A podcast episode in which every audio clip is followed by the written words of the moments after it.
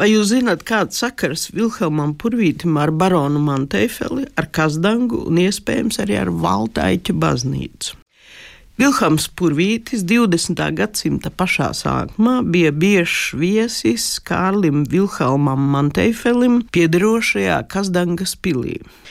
Gleznoja tur, Viņš arī izveidoja piemiņas medaļas metu pilsētas īpašnieka veiksmīgai pārnākšanai no Krievu-Japāņu kara. Tā medaļa ir saglabājusies, e, bijusi, ja ne simts, tad vairāk eksemplāros, un Mantefils to dāvinājis e, labākajiem lauksaimniekiem. Baltāņu baznīcā savukārt, kas celta 18. gadsimta beigās, atrodas 15 mākslinieciski vērtīgas vitrāžas, viena gan esot 80. gados vandāļu bojāta. Šīs 15 vitrāžas baznīcai 20. gadsimta pašā sākumā dāvināja jau minētais e, Kazdangas barons Mantēfelis. Kasdansnieki piederēja pie Valtaiķu draudzes un joprojām pieder, un četrās no vitrāžām attēloti bruņinieku tikumi - drošsirdība, dievbība, labdarība un žēlsirdība. Es domāju, svarīgi ne tikai bruņiniekiem, jebkuram cilvēkam. E, vieni uzskata, vieni, es domāju, mākslas vēsturnieki uzskata, ka vitrāžas darinājis Rīgas Vācu-Baltu vitrāžists Ernests Tode, citi, ka tās darinātas Itālijā, vēl citi, ka darinātas Vācijā. Pēc nostāstiem Tie nostāsti arī ir tādi, kā pasakā. Pēc nostāstiem katra no vitrāžām, tad, kad pagatavota, e, maksājusi 700 zelta rubļus, par ko varējis nopirkt 240 govis. Ja parēķina, ka vitrāžas kopskaitā 15, iznāk 3600 govis. Varēja nopirkt gandrīz visu kurzemē ar goviem apgādāt.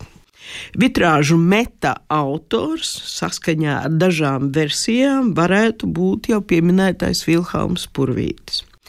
Savukārt, godājumais mākslas zinātnieks Ojārs Pārīts to apstrīd, jo tas nesot purvīša stils. Neapstiprinājumu, ne noliegumu versijai par purvīša līdzdarbību nav. Ir gan ziņas, pārpublicētas vācu valodā no Mantefeļa dzimtas kronikas, ka tika uzbūvēta cūku kūts pēc purvīša meta runa par Kazdangu. Nu, avots varbūt nav tas uzticamākais. 20. E, gados pret Vācu baltiem nebija labā attieksme, bet nu, kāpēc lai kroniku e, viltotu un arī runājot ar kazdansniekiem, piemēram, Māru Eņģeli, bijušo rakstniecības muzeja e, nodeļas vadītāju, viņi teica, jā, tas kazdansniekiem bija zināms, ka tas ir Vilhelma Purvīša darbs. Vieni gan saka, ka tās eh, cūku kūts vietā tagad ir mm, pārveidots par kultūras namu. Citi saka, ka tā ēka vairs nav, bet tā vai citādi diez vai ēku projektēšana bija purvīša stils un talanta tiecība, bet pateicība Manteifelim par laipno uzņemšanu varēja izpausties arī tādā veidā, un tas pats var attiekties uz vitrāžām. Nu, neba pats Manteifelis izveidoja metus vitrāžām līdz 905. gadam attiecības starp vācu baltiešiem un latviešiem Kazdangā arī valtāķos bijušas visumā pieņemamas.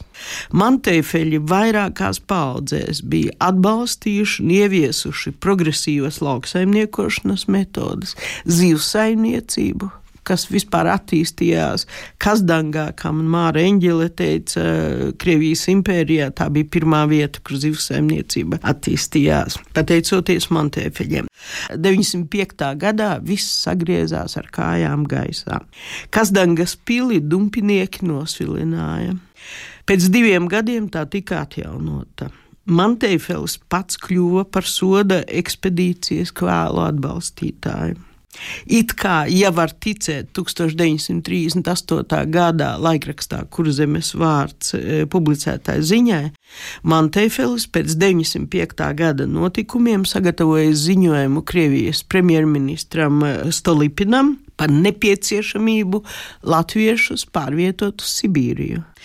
Atsauksme šis projekts tādu vai citādu iemeslu dēļ, bet man nezinām iemeslu dēļ e, neguva, bet e, pats Manteifelis gan Valtaiķu, gan Kasdangas apkaimē savas zemes īpašumos pēc 907. gada izmetināja vairākus tūkstošus kolonistu no Vācijas, vismaz 4000. Valtaiķu baznīcā pirms kara bija prāva vācu draudze un vēl 1919. gadā Mantēfeļa vienība bija apņēmības pilna gāzt Ulmaņa valdību Liepājā. Neizdevās, paldies Dievam! Bet ko darīt?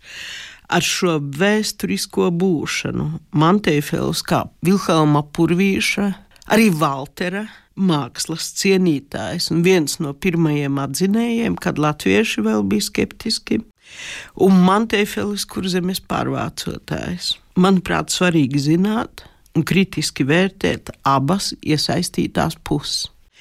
Kārļa Monteifeļa priekštecim, arī Kārlim Mārdā, kas dzīvoja no 1820. līdz 1884. gadam, vietējie latviešu zemnieki pie Kazdangas skolas bija uzcēluši pieminekli. It kā pateicībā par to, ka barons 1878. gadā skolu uzbūvējis.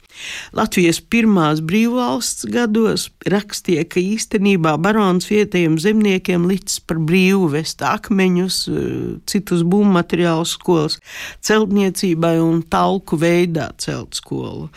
40. gadā pēc padomju okupācijas pieminekļa augšdaļu demontēja, postaments palika. 2020. gadā internetā var atrast fotogrāfs Aigars Prūsis, e, ir ielicis vairākas bildes un aprakstu aicinot nekraut malku uz postamenta, cienīt pagātnes piemiņu. Tas postaments joprojām ir, bet arī malka šķūnīts pie skolas joprojām ir. Bet skola, es nezinu, vai tā ir tā, kas saglabājusies. Mēs zinām tikai daļu no tām lietām, kas norisinājās pirms vairāk nekā simts gadiem, un katrai pusē ir sava taisnība. Diemžēl, vai paldies Dievam!